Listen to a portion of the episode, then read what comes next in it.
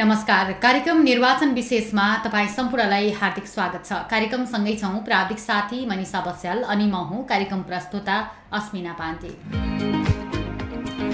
कार्यक्रम निर्वाचन विशेष विशेष तपाईँले महिला समानताका लागि सञ्चार अभियानद्वारा सञ्चालित महिलाहरूको सामूहिक आवाज सामुदायिक रेडियो मुक्ति पञ्चानब्बे थुप्लो पाँचको ध्वनि तरङ्गबाट सुन्दै आइरहनु भएको छ। आजको बसाइमा पनि हामी तपाईँहरूको माझमा उपस्थित भएका छौँ। कार्यक्रम निर्वाचन विशेष तपाईँले रेडियो मुक्तिको website W W dot radio Mukti dot O R G र मोबाइल एप्लिकेसनको हाम्रो पात्रमा रेडियो मुक्ति बुटुबल सर्च गरेर संसारभरिकै साथ सुनिरहनु भएको छ सुन्न सक्नुहुन्छ। कार्यक्रममा हामीले खास गरी स्थानीय तहको निर्वाचन वैशाख तिस गतेका लागि तोकिएको छ। अब स्थानीय तहको निर्वाचन आउनका लागि धेरै दिन बाँकी छैन। दलहरूले आफ्ना उम्मेदवारहरूको उम्मेदवारी दर्ता गराउनु भएको छ। र अब उम्मेदवारहरू आफ्ना एजेन्डाहरू लिएर नागरिकहरूको घर दैलोमा पुग्ने पनि क्रम जारी रहेको छ। बुटवल क्षेत्रमा निर्वाचनको माहौलको विषयमा हाम्रा श्रोताहरूलाई जानकारी गराउनु पर्दा बुटवलमा गठबन्धन र नेकपा एमाले खास गरी चुनावी मैदानमा हुनुहुन्छ भने रापरपा सँगसँगै अन्य केही स्वतन्त्र उम्मेदवारहरूले पनि उम्मेदवारी दर्ता गराउनु भएको अवस्था देखिएको छ। गठबन्धनबाट नेपाली काङ्ग्रेसमा बुटुल उपमहानगरपालिकामा नेपाली काङ्ग्रेसका नगर प्रमुखका प्रत्याशी खेलराज पाण्डे र एकीकृत समाजवादी यसका चिनबहादुर गुरुङ चुनावी मैदानमा हुनुहुन्छ। त्यस्तै नेकपा एमालेको तर्फबाट नेकपा एमालेको बुटुल उपमहानगरका प्रमुखका प्रत्याशी बाबुराम भट्टराई त्यस्तै गरी उपप्रमुख सावित्रा देवी अर्याल चुनावी मैदानमा उत्रिनु भएको छ। नेकपा एमाले र गठबन्धन आ आफ्नै ढङ्गबाट आ आफ्नै मुद्दाहरू लिएर नागरिकहरूको घर दैलोमा बिहानदेखि साँझसम्म विभिन्न ओडाहरूदेखि टोल टोलसम्म पुग्ने क्रम जारी छ। एकातिर विवाहको लगनको महिना छ अर्कोतिर चुनावी प्रचार प्रसारका बाजाहरू र गीतहरू घन्किरहेका छन्। नागरिकहरू भने कस्ता उम्मेदवार छान्ने होला भन्ने अन्यलतामा देखिन्छन्।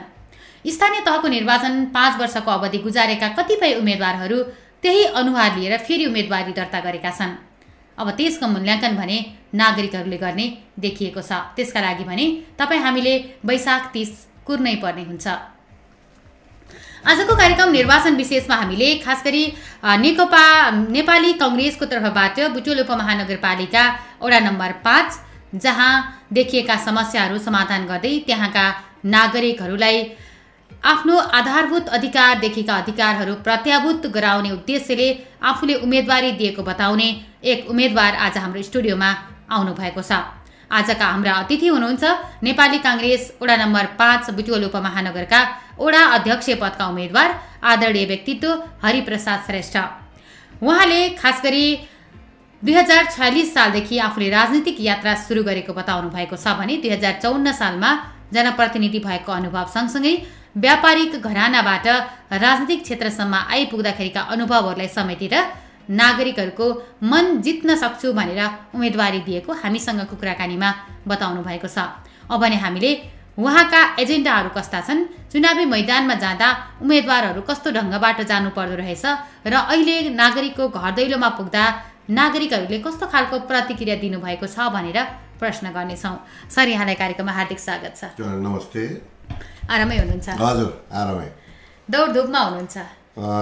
अब दौडधुप त अब यो त हाम्रो चुनावी अभियान हो। अब यसमा त दिनरात नभनिकन अब जनताको घर दैलोमा त पुग्नै पर्यो होइन? अहिले आएन भने पनि रिसाउँछ। उम्मेदवारी दर्ता गरिसके पछाडि यहाँहरू नागरिकहरूको घर दैलोमा पुगिरहनु भएको छ होइन? अब बुटवल उपमहानगरपालिकामा हेर्दाखेरि धेरै नेकपा एमालेको तर्फबाट र नेपाली कङ्ग्रेसको तर्फबाट पनि उम्मेदवारहरू दोहोरिएको पनि देखिन्छ। यहाँ अब दुई हजार चौहत्तर सालमा पनि अब वडा अध्यक्षकै प्रत्याशी हुनुहुन्थ्यो होइन? भनेपछि वडामा पनि परिचित अनुहार र बुटवल नगरमा पनि धेरै चिनेको अनुहार। अब तपाईँ आफैले चाहिँ हरिप्रसाद श्रेष्ठलाई चिनाउनु पर्दा तपाईँले कसरी चिनाउनुहुन्छ? यहीँबाट सुरु धन्यवाद। वास्तवमा बुटोलमा जन्म लिएर मैले म त्यही खसोली भन्ने पहिला खसोली बुटोल खसोली भन्थ्यो मेरो जन्म त्यहीँ भएको हो। त्यसरी पनि धेरै मेरा अग्रजहरूले र मेरा समकक्षी साथीहरू र मेरा जुनियर भाइ बहिनीहरूले पनि मलाई चिन्ने सजिलो माध्यम पनि भयो। र एउटा म जुन युवा अवस्थामा एउटा खेल जीवन बिताइरहेको व्यक्ति भएको हुनाले मलाई सजिलोसँग परिचित हुने अवसर पनि पायो। र मेरो फ्यामिली एउटा सामाजिक कार्यकर्ताको रूपमा बुवा मुवा अगाडि भएको हुनाले पनि बुवाको मुवाको कारणले पनि म हाम्रो फ्यामिली चिनी डाँडा त्यति बेलाको बजार अलिक सानो थियो होइन? र अहिले त बुटोल एउटा विकराल उसमा छ एउटा सहरको रूपमा डेभलप भएको छ। अब धेरै माइग्रेट भएर आएका साथीभाइहरू पनि छन् होइन? उहाँहरूसँग अझै चित परिचित हुनलाई त अझै टाइम लाग्छ होला। अब काम गर्ने दौरानमा राम्रो काम गऱ्यो भने परिचित हुने त स- त्यो सौभाग्य त हामीले पाइहाल्छौँ। होइन? अब मेरो जीवनमा अब जस्तो तपाईँले उम्मेदवारीको कुरा गर्दै हुनुहुन्छ होइन? म एउटा टेस्टेड अध्यक्ष पनि भइसकेँ र एउटा मिलनसार भन्ने कुरा पनि म टेस्टेड भइसकेँ। किनभने चौन्न सालको उम्मेदवारीमा म मात्रै वडा अध्यक्ष कङ्ग्रेसबाट थिएँ भने एमालेबाट चारजना सदस्य हुनुहुन्थ्यो। पाँच वर्ष हामीले बिना रोकटोक। कुनै डिस्टर्बेन्स बिना हामीले सानो बजेटमा पनि एउटा आफ्नो वडालाई गर्न सक्ने। हामी सबै टिमले नै हामीले त्यो सेवा पुऱ्याएकै जस्तो मलाई लाग्छ। त्यही भएर पनि हामी परिचित हुन सजिलो भयो र जुन उन्सठी पछि हाम्रो राजनीतिक करियरमा एउटा ठुलो चेन्ज आयो। देशै त्यस्तो अवस्थामा थियो माओवादीको द्वन्द्वको कालमा होइन?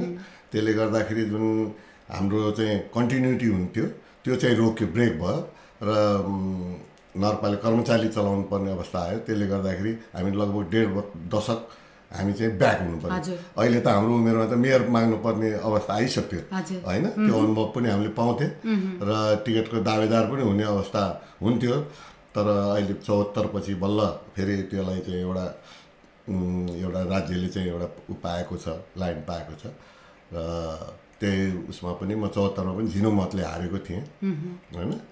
अनि अहिले पनि मलाई जनताहरू मेरा पार्टीका साथीहरू तपाईँहरूले सिङ्गल नाम मलाई पठाउनुहुन्छ या मलाई चाहिँ अनुमोदन गर्नुहुन्छ भने म लड्न तयार छु भनेको थिएँ।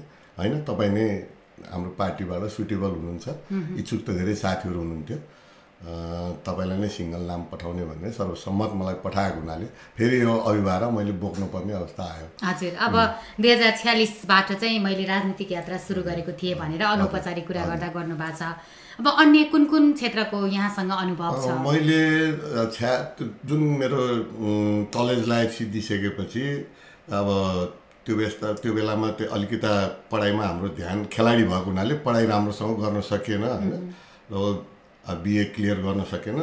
आइए पास गरेर अब खेल्ने जीवनतिर लगाएपछि त्यति बेला अलिकति पढाइमा डिस्टर्ब पनि भयो। अनि मैले ब्रेक पनि गरेँ होइन? त्यसपछि म जुन छ्यालिस सालको आन्दोलनपछि नेपाली कङ्ग्रेसमा आबद्ध भइसकेपछि मैले एउटा ट्रेड युनियन कङ्ग्रेसको अध्यक्षको नाम एउटा अभिभारा बोकेर म चाहिँ त्यो पार्टीमा लागेँ।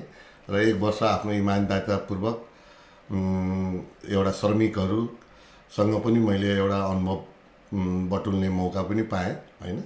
र देश चाहिँ अब बहुदल आइसकेको थियो एउटा डेमोक्रेसी आइसकेपछि सबै ठाउँबाट अब त्यो कुरा आयो होइन? अब मैले चाहिँ एउटा व्यापारीको छोरा त्यो ठाउँमा बस्नु मलाई उचित लागेन किनभने टसल नै व्यापारी र उद्योगपति र मजदुरवीरको त्यो समस्याहरू आउने भएको बेला म एउटा दिवार जस्तो किन भन्ने भनेर अरू साथीलाई नै मैले त्यो गरिसकेपछि म त्यसपछि मेरो राजनीतिक क्यारियर सुरु भयो। त्यसपछि मैले अडचालिस उनपचासको स्थानीय चुनाव अडचालिसको संसदीय चुनाव त्यो यो बेला त यो चार नम्बर क्षेत्र भन्थ्यो ठुलै थियो यो क्षेत्र। त्यसको चाहिँ युवा परिचालनको नेपाली काङ्ग्रेस तर्फबाट संयोजकको रूपमा मैले काम गरेँ। होइन? अब त्यति बेला विजय पनि हासिल भयो। त्यसपछि आएर हामी चौन्न सालमा वडा अध्यक्षको भूमिका मैले निर्वाह गर्न पाएँ पार्टीको उसले गर्दाखेरि। त्यसपछि तरुण दलको म संस्थापक अध्यक्ष हो। होइन? संस्थापक अध्यक्ष भएर मैले दुई कार्यकाल खाएँ त्यसपछि बुथ सभापति भएर दुई कार्यकाल खाएँ त्यसपछि म एकैचोटि क्षेत्रीय सच उपसभापति भएँ। पार्टीको क्यारियर उसमा आफ्नो जीवनमा त्यसपछि महाधिवेशन प्रतिनिधि पनि भएँ तेह्रौँमा। त्यसपछि यो जुन उन्साठी पछिको ग्याप थियो। मैले त्यसलाई डाइभर्ट गरेँ खेलकुदतिर। अब यो खेलकुद केही पनि छैन। यो यत्रो रूपन्देही एउटा उर्वरा भूमि क्षेत्र खेलकुद खेलाडीहरू उत्पादन हुने ठाउँ। यसलाई केही गर्नुपर्छ हामी जस्तो मान्छेले भनेर अनि म खेलकुदतिर लाएँ। र त्यो रङ्गशाला नगरपालिका र हाम्रो जोइन्ट उसमा एन्फासँग आबद्ध थिएँ। म त्यति बेला रूपन्दी फुटबल सङ्घको अध्यक्ष थिएँ। दस वर्ष भएँ। त्यसपछि म केन्द्रीय सदस्य चार वर्ष भएँ। त्यसपछि म मानार्थ उपाध्यक्षमा पनि हुने अवसर पाएँ। एन्फाले मलाई एउटा सम्मान पनि गर्यो। अनि त्यही दौरानमा यही महिला हिंसा फुटबल खेलबाट कसरी यसलाई न्यूनीकरण गर्न सकिन्छ भन्ने घरदेखि नै सुरु गरौँ भन्ने उसमा म त्यसको एउटा मेम्बर पनि हुने अवसर पाएँ र नजिकबाट महिला हिंसाको बारेमा धेरै गाउँ गाउँमा गएर महिलाहरूलाई पुरुषहरूलाई यो यस्तो हो भनेर एउटा ट्रेन गर्ने अवसर पनि पाएँ मैले। त्यो पनि एउटा अनुभव मैले लिएको थिएँ। र विभिन्न अब सङ्घ संस्थाहरूको कुरा गर्नु चाहिँ म यो क्लब अफ बुटोलको म संस्थापक सदस्य हो। अब हामी युवा थियौँ त्यो त्यति बेला लायन्स क्लबको म आजीवन सदस्य रोटरी क्लबको संस्थापक सदस्य। त्यसपछि उद्योग वाणिज्य सङ्घमा म तिन कार्यकालसम्म सदस्य भएर काम गरेँ। र मैले त्यो क्षेत्र मैले छोडेँ। नत्र मेरो जुनियरहरू सबै अध्यक्ष भयो। म अब खेलकुदमा लागेको हुनाले अब यो सबैतिर हात हाल्नु हुन्न भनेर म डाइभर्ट भएँ र मेरो राजनीति एउटा केरियर छ भने खेलकुद एउटा मेरो दोस्रो हो भनेर म चाहिँ अगाडि बढेँ। हजुर। अब खेलकुद प्रेमी हुनुहुन्छ म यहीँबाट फेरि यो कुरालाई जोड्न चाहन्छु। वडा नम्बर पाँचको अध्यक्ष भइसके पछाडि वडामा रहनुभएका त्यहाँका बालबालिकाहरू त्यहाँका खेल प्रेमीहरूका लागि तपाईँ के गर्नुहुन्छ? होइन एउटा म आफै खेलकुद क्षेत्रमा लागेको मान्छे म कस्तो छ भनेपछि मेरो कालिका स्पोर्टिङ क्लब भन्ने चारचोटि गोल्ड कप जितेको क्लबमा अब अहिले आज म उसैको त्यही क्लबको अध्यक्ष छु। अब अहिले खेलकुद भनेको व्यावसायिकतिर गयो होइन। अब क्लबहरूसँग पनि आर्थिक धेरै कमजोर छ यहाँको हरेक क्षेत्रको क्लबहरू भनौँ हरेक खेलमा अब स्रोतको अभाव छ होइन। अब जस्तो काठमाडौँमा फुटबलकै कुरा गर्दाखेरि त्यो बेलामा पनि पुराना क्लबहरूलाई जग्गा सग्गा दिएर आज बिल्डिङ बनाएर त्यसको आयबाट नै उनीहरूले राष्ट्रमा एउटा। कार्यक्रमहरू गरिरहेको छ। अब त्यो पनि सोच्नुपर्छ जस्तो मलाई लाग्छ यहाँको स्थानीय सरकार प्रदेश सरकारले पनि। अब क्लबहरूलाई एउटा ठाउँ दिने त्यसबाट त्यो उसले गरेको त्यहाँबाट आएको आयले त्यो खेलकुदतिर विकास गर्ने। मेन त खेलकुद भनेको त एउटा अनुशासनको पहिलो सिँढी हो। होइन? अब स्वास्थ्यको कारणले पनि पहिलो हो। मलाई एउटा विशेषज्ञले भनेको जस्तो लाग्छ। कुनै पनि एउटा सहर डेभलप हुनलाई हस्पिटल बनाउनु भन्दा पहिला ग्राउन्ड बनाउनुपर्छ। किनभने त्यहाँ खेलेपछि त्यहाँ मान्छे हिँडेपछि एक्सर्साइज गरेपछि त्यो मान्छे स्वस्थ हुन्छ। स्वस्थ नभएपछि पो बल्ल हस्पिटलको खाँचो हो त। पहिला हस्पिटल बन्नु अगाडि मान्छेलाई खेलकुद क्षेत्रमा मान्छेलाई ग्रिनरी पार्क यस्तो चिजहरूलाई पहिला प्रायता दिनुपर्छ भन्ने खालको एउटा विषयको कुरा सुनेको थिएँ मलाई। पनि खुब। चित्त बुझ्यो। र अब क्लबको उसमा चाहिँ अब एउटा राधाकृष्ण युवा क्लब छ मेरो उसमा। ऊ चाहिँ सोसल उसमा पनि हिँड्छ होइन? अहिले उहाँको अध्यक्ष पनि सदस्यमा उम्मेदवार हुनुहुन्छ।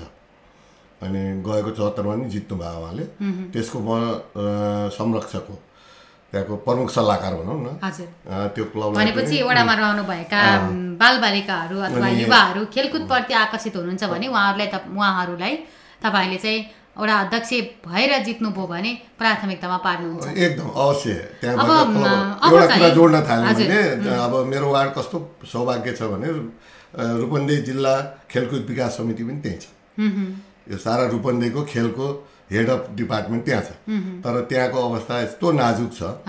अब त्यहाँ म गएँ भने अब त्यसलाई स्थानीय सरकार प्रदेश सरकार केन्द्र सरकारसँग त्यो क्षेत्रलाई एउटा कभर्ड हल एउटा अन्तर्राष्ट्रिय मापदण्ड भएको कभर्ड हललाई विकास गरेर। त्यहाँ चाहिँ इन्डोर गेमहरू अब त्यहाँ त आउटडोर गेम त खेल्न मिल्दैन। Indoor game volleyball table tennis martial art होइन?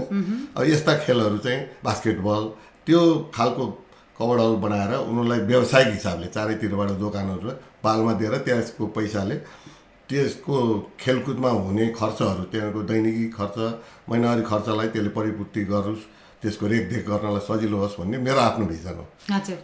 अब वडा नम्बर पाँचलाई हेर्दाखेरि चाहिँ अब उद्योगी व्यवसाय पनि त्यही हुनुहुन्छ व्यापारीहरू पनि हुनुहुन्छ र बिहान र साँझ काम गरेर खाने वर्ग पनि त्यही हुनुहुन्छ। यो विविध समुदायबाट आउनुभएको त्यो पनि फेरि कति भाडामा बस्ने कति घर धनी त्यो एउटा क्याटेगोरी पनि छ होइन? धेरै समस्याहरू त्यहाँ देखिन्छ। अब तपाईँले अहिले चुनावी मैदानमा गइरहँदा नागरिकहरूको घर दैलोमा गइरहँदाखेरि तपाईँको ओडालाई कस्तो बनाउने कुन कुन समस्याहरू समाधान गर्ने प्रतिबद्धता व्यक्त गर्नुभएको छ? धन्यवाद बहिनी। अब बहुत राम्रो प्रश्न उठाइदिनु भयो मेरो वडा यस्तो वडा हो विविधता छ त्यहाँ अब धार्मिक उसमा पनि हाम सबै जात जातिले समेटिएको वडा हो।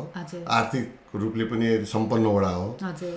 नेपालकै दोस्रो हाट बजार भएको वडा हो। होइन? अब नेपालकै दोस्रो रात्रि स्कुल त्यहीँ छ होइन? जहाँ कि दिनभरि काम गरेर आएर राति पढ्ने। अब अब त्यो त्यस्तो विद्यालय पनि हामी कहाँ छ। अब नेपालकै एउटा बाल मन्दिर बच्चाहरूलाई होइन? पढाउनको लागि अहिले त्यो एउटा स्थान त्यहाँ छ। अब होइन अब यो कस्तो छ भने अब समस्या एउटा दुईवटा समस्या अहिले विकराल देख्छु एउटा त मेरो खोलामा बसेको सुकुम्बासी भाइ बहिनीहरू छन् हजुर। उनीहरूलाई हामीले पहिला त बचाउनु पर्यो। होइन? उनीहरूलाई सेभ कसरी गर्न सकिन्छ? अब दुई तिन महिनापछि त बाढी आउँछ। अब त्यो बच्चा बालबालिका बुढाबुढी हिँड्न सक्दैन राति कुन बेला बाढी आउने? ठेकान छैन रातभरि निद लाग निद लाग्दैन एउटा अवस्था त्यस्तो छ भने अर्को अवस्था बजार विस्थापित हुँदै तल गएर गइरहेछ। अब यो तिन नम्बर जुन अहिले वडा नम्बर तिन माथिको छ जसरी त्यो पहिलाको बजार थियो अहिले त्यो खस्कदो भयो।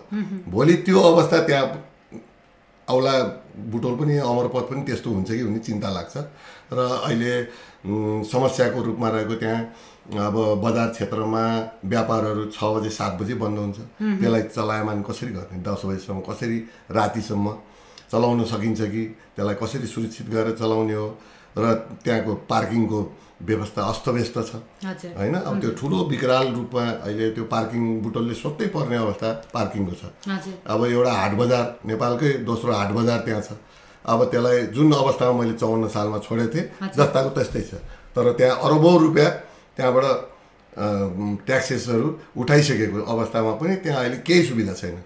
यस्तो दयनीय अवस्था छ। अब त्यसलाई अन्डरग्राउन्ड पार्किङको सुविधासहित होइन सुलभ शौचालयहरू बत्ती पानीको व्यवस्थापन व्यापारीहरूलाई राम्रो व्यापार राख्दा पनि राम्रो देखिने खालको त्यसलाई त्यस्तो गरेर अगाडि बढाउनुपर्छ।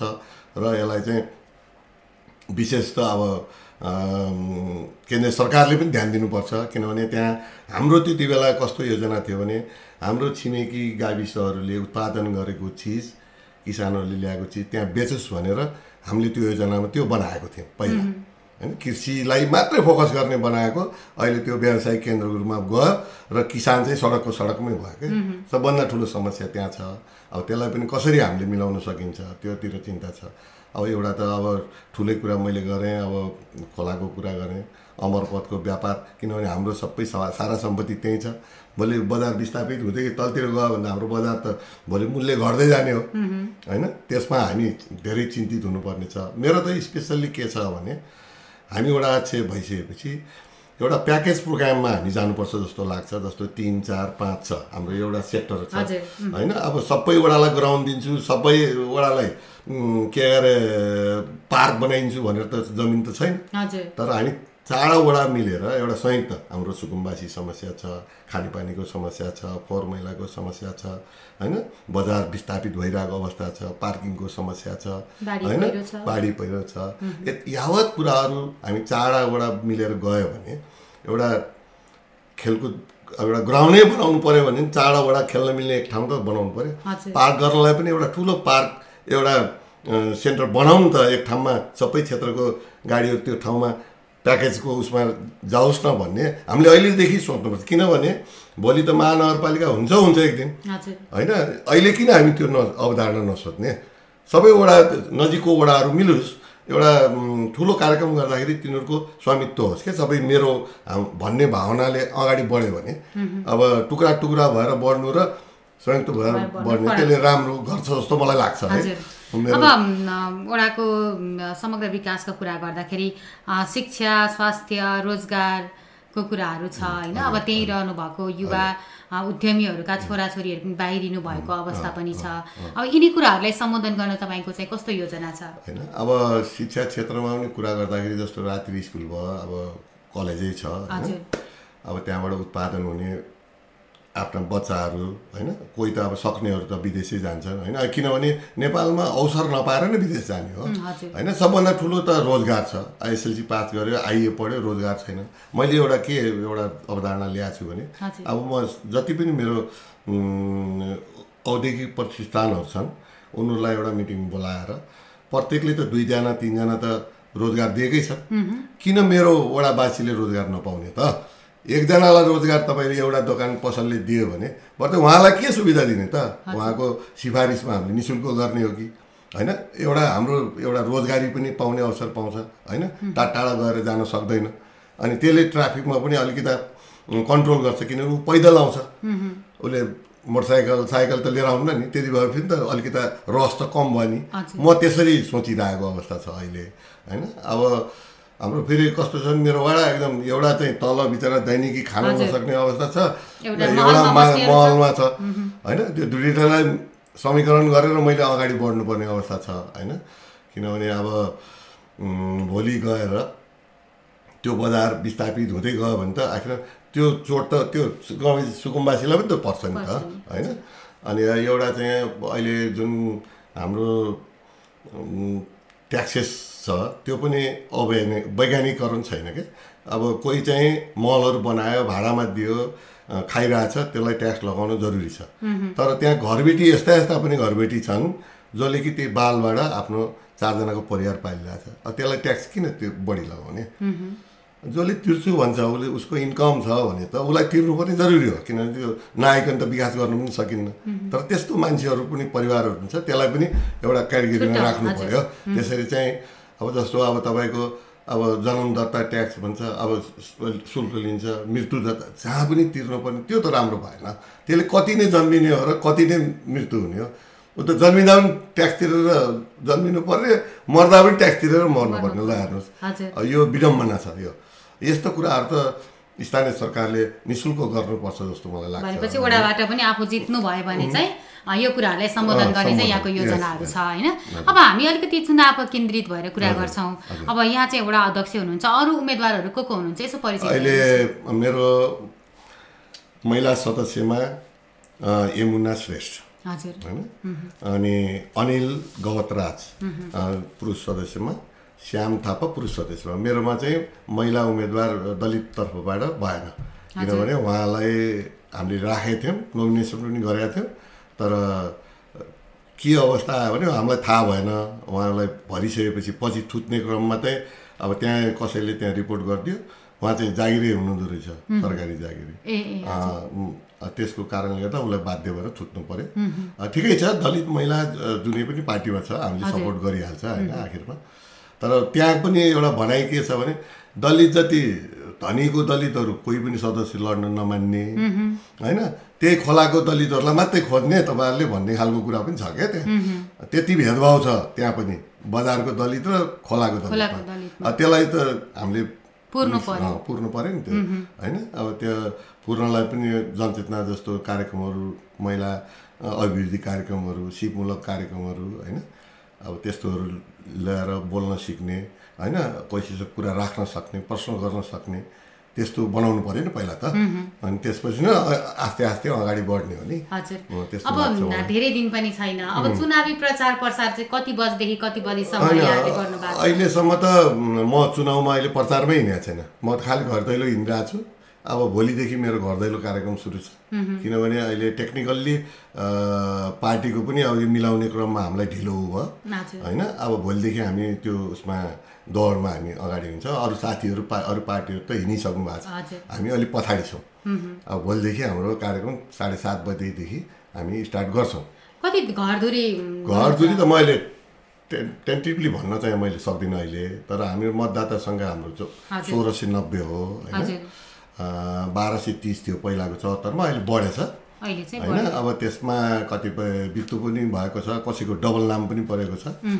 मलाई जहाँसम्म लाग्छ अहिले टेन्टिभली सोह्र सय। सोह्र सय चालिस जति होला जस्तो लाग्छ। अब त्यो कोही विदेश छन्। होइन? अहिले टोटल दिने खालको त्यति होला जस्तो लाग्छ। अब नाइन्टी पर्सेन्ट त खस्छ किनभने मेरो सानो वडा छ नजिक छ सजिलो छ। र हामी पार्टीहरू विपक्षी साथीहरूसँग पनि एकदम हातेमालो गरेर अगाडि बढिरहेको छौँ कि हाम्रो त्यस्तो त्यो बवाल हुने यस्तो उस्तो त्यस्तो यस्तो केही विचार छैन। होइन? अब हामी अब कस्तो म कस्तो हो भने म जितिहालेँ भने पनि प्रतिपक्षी साथीहरूलाई पनि सँगै उहाँहरूको भावनालाई पनि कदर गरेर म सँगै हिँड्छु क्या। म त्यस्तो नेचरको मान्छे हो। मलाई जहाँसम्म लाग्छ अब कसरी उहाँहरूले मूल्याङ्कन गर्नुभएको छ? जहाँसम्म मलाई राम्रै गर्नुहुन्छ जस्तो लाग्छ मलाई त। होइन? अब यो महिला सशक्तिकरणमा चाहिँ अब यहाँले आफ्नो माताबाट एउटा प्रेरणा पाउनु भएको छ कि अब महिलाहरू पनि सशक्तिकरण हुनुपर्छ आर्थिकमा पनि महिला जोडिनुपर्छ भनेर. तपाईँकै ओडामा पनि कहिलेकाहीँ साँझ खानेकुराहरू नभएर त्यहीँ मजदुर मजदुर श्रीमान श्रीमती बिच झगडाहरू परेर मिलाउनु परेका थुप्रै केसहरू प्रहरीसम्म पनि पुगेका छन्। अब त्यहीँ श्रीमान श्रीमती चाहिँ किन झगडा गर्नु भएको भन्दा साँझ खानेकुरा नभएर भन्ने खालको वर्ग पनि त्यहीँ छ होइन? अब यो विषयलाई सशक्तिकरणको विषयलाई अथवा त्यहाँभित्र चाहिँ महिला सीमान्तकृत एकल महिला अपाङ्गता भएका व्यक्तिहरू हुनुहुन्छ होइन? अब अहिले त यौनिक तथा लैङ्गिक अल्पसङ्ख्यक भनेर पनि ठुलो सङ्ख्यामा रूपन्देहीमा त्यो सङ्ख्या छ। त्यहाँ पनि त्यो समस्या रात्रिकालीन बेलामा चाहिँ यौनिक तथा लैङ्गिक अल्पसङ्ख्यक बसेर उद्योगीहरूलाई समस्या दिएको कुराहरू हुन्छ। अब यिनी कुराहरू छन्।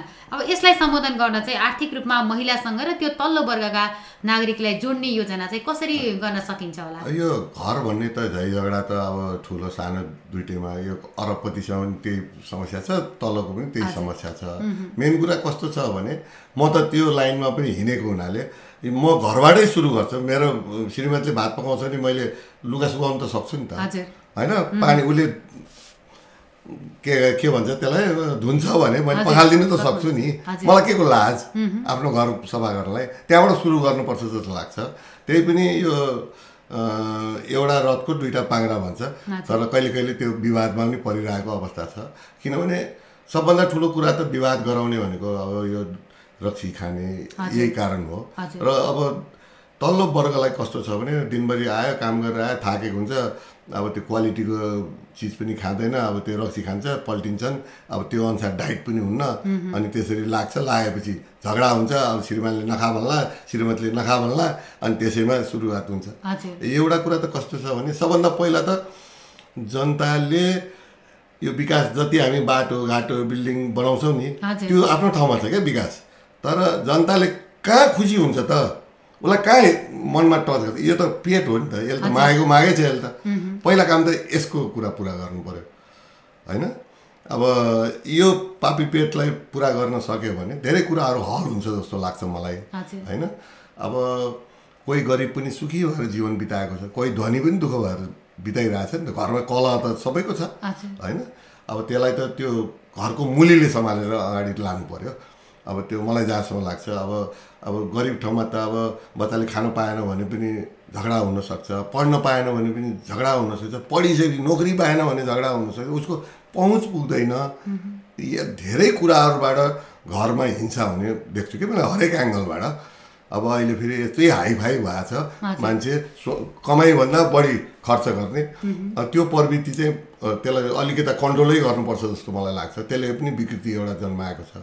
त्यसले पनि समाजमा एउटा दुर्घटना गराइरहेको जस्तो छ। आज परिवारमै एउटा छोरा एउटा मोबाइलमा छोरी एउटा मोबाइलमा आमा एउटा मोबाइलमा बाउ एउटा मोबाइलमा। कुरै हुँदैन। दुःख सुखको कुरै हुँदैन। अनि कसरी एकले अर्कालाई चिन्ने अवसर हुन्छ त? त्यही भएर मैले यो उद्योगवाणीसँग पहिलो सदस्य हुँदै मैले यो एक दिन बन्द गर्नुपर्छ है पसल। साथीहरू मानेकै थिएन। एक दिन त टाइम दिनुहोस् परिवारलाई तपाईँ बिहान दोकान खोल्नुहुन्छ बच्चा सुत्या हुन्छ। तपाईँ राति घरमा पुग्नुहुन्छ बच्चा सुतिसकेको हुन्छ। तपाईँ दिउँसो जानुहुन्छ बच्चा स्कुल हुन्छ। अनि तपाईँले त्यो बच्चाले के खायो कहीँ गलत बाटोमा छ कि छैन त्यो बुझ्ने टाइम त लिनुहोस्। परिवारलाई त टाइम दिनुहोस्। तपाईँको श्रीमतीलाई त टाइम दिनुहोस्। त्यसरी मोटिभेट गरेर एक दिने बन्द गर्ने कार्यक्रम मैले चाहिँ भिजन मेरो हो यति बेला। अब म त्यसरी सोध्छु क्या होइन?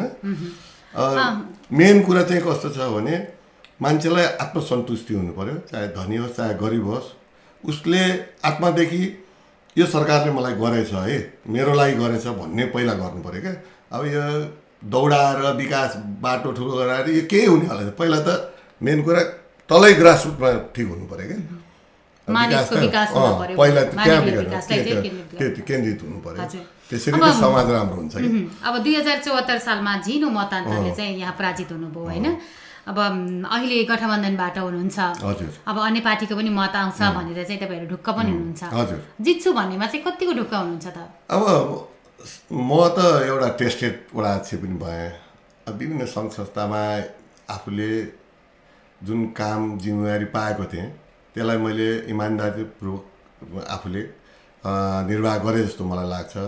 त्यसले गर्दा पनि म फेरि सरल सबभन्दा सरल हुनु मान्छेको सबभन्दा। ठुलो गुण हो। ममा रिस छैन।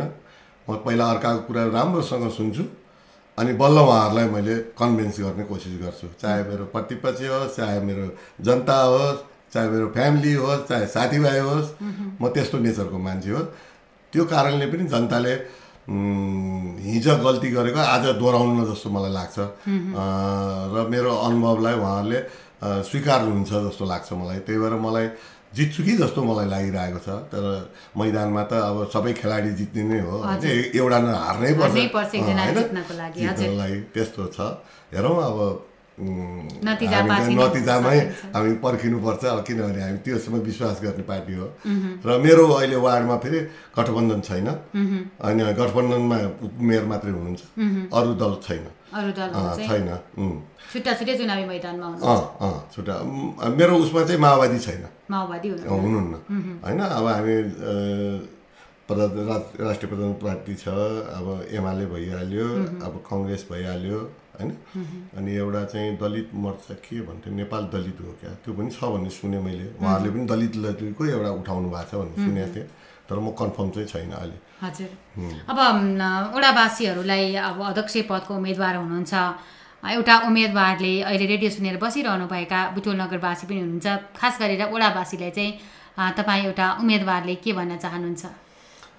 होइन काम गर्ने दौरानमा सबैले जानेछु भनेरै गर्ने हो तर त्यहाँ गल्तीहरू पनि हुन्छ।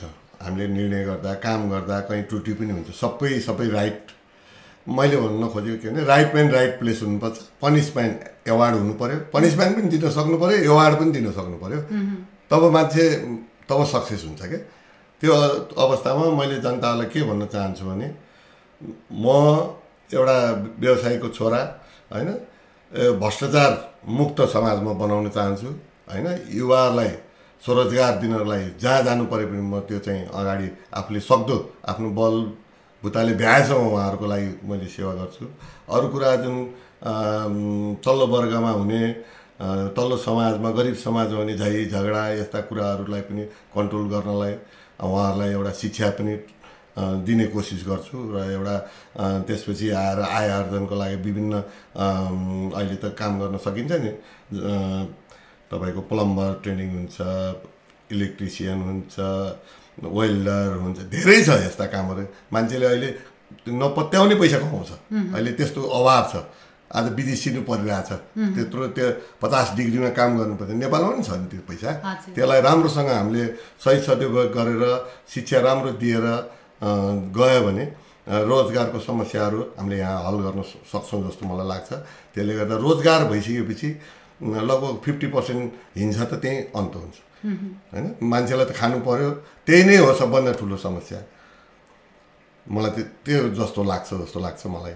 भोट अपिल गर्न सक्नुहुन्छ। होइन। अब म जनताहरूसँग त म अब पुरानो परिचित पनि छु। अनुभव भएको मान्छे हो सजिलो छ भन्ने जनताले माया पनि गर्नुभएको छ। सायद योपालि पनि एक अवसर हरिश्रेष्ठलाई दिनुपर्छ कि? भन्ने विभिन्न पार्टीहरू अब कङ्ग्रेसले त भोट हाल्ला हाल्ला अरू पार्टीले पनि हरिश्रेष्ठ ठिक छ है यो मान्छे सबैको हो है साझा मान्छे हो। भन्ने उहाँहरूलाई मैले विश्वास पनि दिलाउन चाहन्छु र सबैको राय सल्लाह लिएर उहाँहरूको सबैको विचारलाई लिएर वडालाई कसरी विकास गर्न सकिन्छ भन्ने कुरा हरेक क्षेत्रबाट उहाँहरूको समेटेर नै म अगाडि बढ्छु भन्ने उहाँहरूलाई मैले विश्वास दिलाउन चाहन्छु। धन्यवाद। हस् समय र संवादका लागि धन्यवाद। यहाँ दिनभरिको दौडधुपमा हुनुहुन्थ्यो र पनि हामीले यहाँलाई निमन्त्रणा गरेका थियौँ। आएर वडा नम्बर पाँचको विकास आफ्ना योजना र जनता सामु चाहिँ प्रतिबद्धता व्यक्त गर्नुभएको छ। यहाँलाई जितिसकेपछि पनि हामीले फेरि तपाईँले बोलेका कुरा कति पुरा भए भनेर समीक्षा गर्ने दिन पनि आओस्। यहाँलाई अग्रिम शुभकामना दिन चाहन्छु। धन्यवाद। अब मुक्ति एफएमलाई र पाण्डे बहिनीलाई पनि। यो अवसर मलाई दिनुभयो। मलाई त थाहा पनि थिएन। तर यति खुसी लाग्यो मलाई। अब यो अवसर मलाई जुटाइदिनु भयो र म जनता समक्ष आफ्नो कुरा राख्न पाउनु पनि ठुलो कुरा हो। सुन्नुहुने श्रोताहरूलाई पनि धन्यवाद छ सुनिदिनु भएको होला त्यति भन्दै म बिदा हुन्छु। धन्यवाद जय आजको बसाइमा हामीसँग हुनुहुन्थ्यो निर्वाचन विशेषमा बुटोलुको महानगरपालिका वडा नम्बर पाँचका वडा अध्यक्ष पदका उम्मेद्वार नेपाली कङ्ग्रेसको तर्फबाट हरिप्रसाद श्रेष्ठ उहाँको राजनैतिक पृष्ठभूमि विशेष गरेर खेल प्रेमी एक नेता जसले युवाहरूलाई खेलमा चाहिँ आकर्षित गर्ने र जुन वडामा रहेका शिक्षा स्वास्थ्य रोजगार ठुला वर्ग र साना वर्ग भनेर मजदुर वर्ग र व्यापारिक घरानाका व्यक्तिहरू बिचको असमानतालाई आर्थिक रूपमा सशक्तिकरण ढङ्गबाट अगाडि बढाउने योजना र आफ्ना प्रतिबद्धताहरू। आज कार्यक्रम निर्वाचन विशेषबाट तपाईँहरूको माझमा हाम्रो माझमा एउटा प्रतिबद्धता व्यक्त गर्नुभएको छ। आजका अतिथिलाई धेरै धेरै धन्यवाद व्यक्त गर्दै मताधिकार प्रयोग गर्ने तपाईँ हामी हरेक नागरिकहरूको अधिकार छ। यो अधिकार तपाईँ उमेर समूह पुग्नुभएका नागरिकहरूले प्रयोग गर्नुहोला। आफूलाई मन परेको उम्मेदवार लाई छानेर आफ्नो वडाको विकास टोलको विकास र नगरको विकासमा अगाडि बढ्नुहोला। हामी यो आग्रह गर्न चाहन्छौँ। यही भन्दै आजका लागि कार्यक्रमलाई छुट्याइएको समय अवधि सकिएको छ। तपाईँलाई धन्यवाद र प्राविधिक साथी मनिषा बस्यालाई धन्यवाद दिँदै म कार्यक्रम प्रस्तुता अस्मिना पनि बिदा हुन्छु। तपाईँ रेडियो मुक्ति सुन्दै रहनुहोला। नमस्ते।